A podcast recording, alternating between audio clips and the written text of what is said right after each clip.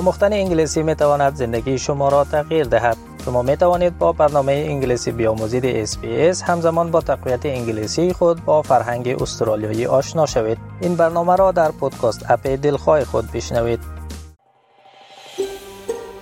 شما با پروگرام دری رادیوی SBS هستید. گزارشات عالی را در sbs.com.au دری پیدا کنید.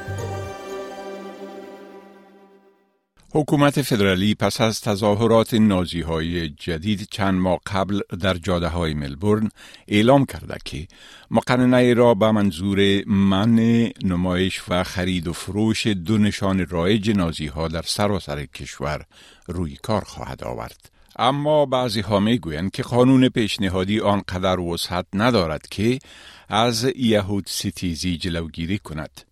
مارک دریفس سارنوال عمومی هفته گذشته اظهار داشت که هر کسی که به نمایش یا فروش اشیای دارای نشان نازی هاکنر کروز معروف به های نازی و نشان ستافل یا اسس متهم گردد ممکن با جزای دوازده ماه زندان مواجه گردد. There is no place in Australia for symbols that glorify the horrors of the Holocaust. The Albanese government will introduce legislation to criminalise public displays of the Nazi Hakenkreuz and the Schutzstaffel, that's the SS hate symbol, and ban the trade in these items. We will no longer allow people to profit from the display and sale of items which celebrate the Nazis and their evil ideology.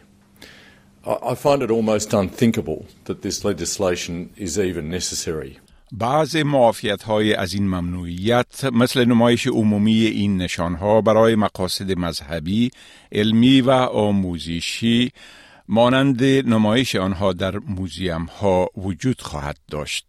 این ممنوعیت صرفا در مورد سمبول های نازی اعمال می شود و در مورد نمایش و استفاده از صلیب شکسته به مقاصد مذهبی به خاطر اعمال نخواهد شد که این صلیب شکسته یا شواستیکا در مذاهب هندویزم، بودیزم و جنیزم سمبول پاکی و افت است. سارنوال عمومی مارک دریفس می گوید که حکومت مشوره های گسترده را انجام داده و این ممنوعیت بر سمبول ها و نشان های مذهبی اثرگذار نخواهد بود. I want to thank the many, many community groups that we've consulted about this, Jewish groups and members of other religious communities, Buddhists, Jains, Hindus, and I want to assure them that uh, they will not have their sac- sacred symbols affected by this ban. This is a ban that is about those who promote hatred and seek to divide us. دویر ابراموویچ رئیس سازمان حقوق مدنی کمیسیون ضد افترا می گوید که این یک پیروزی برای کسانی است که مدتها برای اتخاذ این اقدام مبارزه کردند. And I think that today the bells of uh, respect, of equality and freedom are ringing loud throughout this nation. This is a statement by the federal government to say this is a battle between good and evil, and we are determined to win this. It sends an unmistakable message to a resurgent white supremacist movement. You will never win, and you will never have a foothold in our country. اما پیتر ورتایم مدیر عامل شورای اجرایوی یهودیان استرالیا می‌گوید که این قانون پیشنهادی آنقدر پیش نمی رود که تمام سمبول های نازی را ممنوع کند. The legislation uh, is a step in the right direction. It does have some limitations. One of those limitations is that it only applies to two Nazi symbols, uh, which is the hooked cross or the Hakenkreuz and um, the SS lightning bolts. There are many other well-known Nazi symbols, uh, such as the Death's Head and the Sonnenrad, at the Sun Wheel, uh, among others, which are not covered by this legislation. And there's an obvious concern that neo-Nazi groups will circumvent the legislation by simply resorting to those other symbols and avoiding the ones that are prohibited.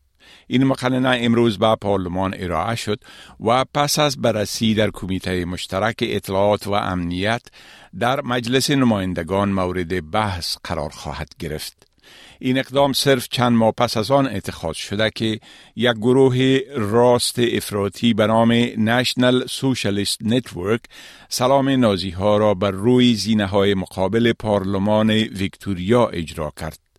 حکومت ویکتوریا به دنبال این تظاهرات نمایش سمبول های نازی ها را منع کرد و قوانین بیشتر را برای ممنوعیت سلام نازی ها پیشنهاد کرده است. جاش برنز نماینده پارلمانی یهودی حزب کارگر از ویکتوریا به اس نیوز گفت که این اعمال گروه راست افراطی حکومت را واداشته تا نمایش سمبول های یهودی ستیزی را منع کند.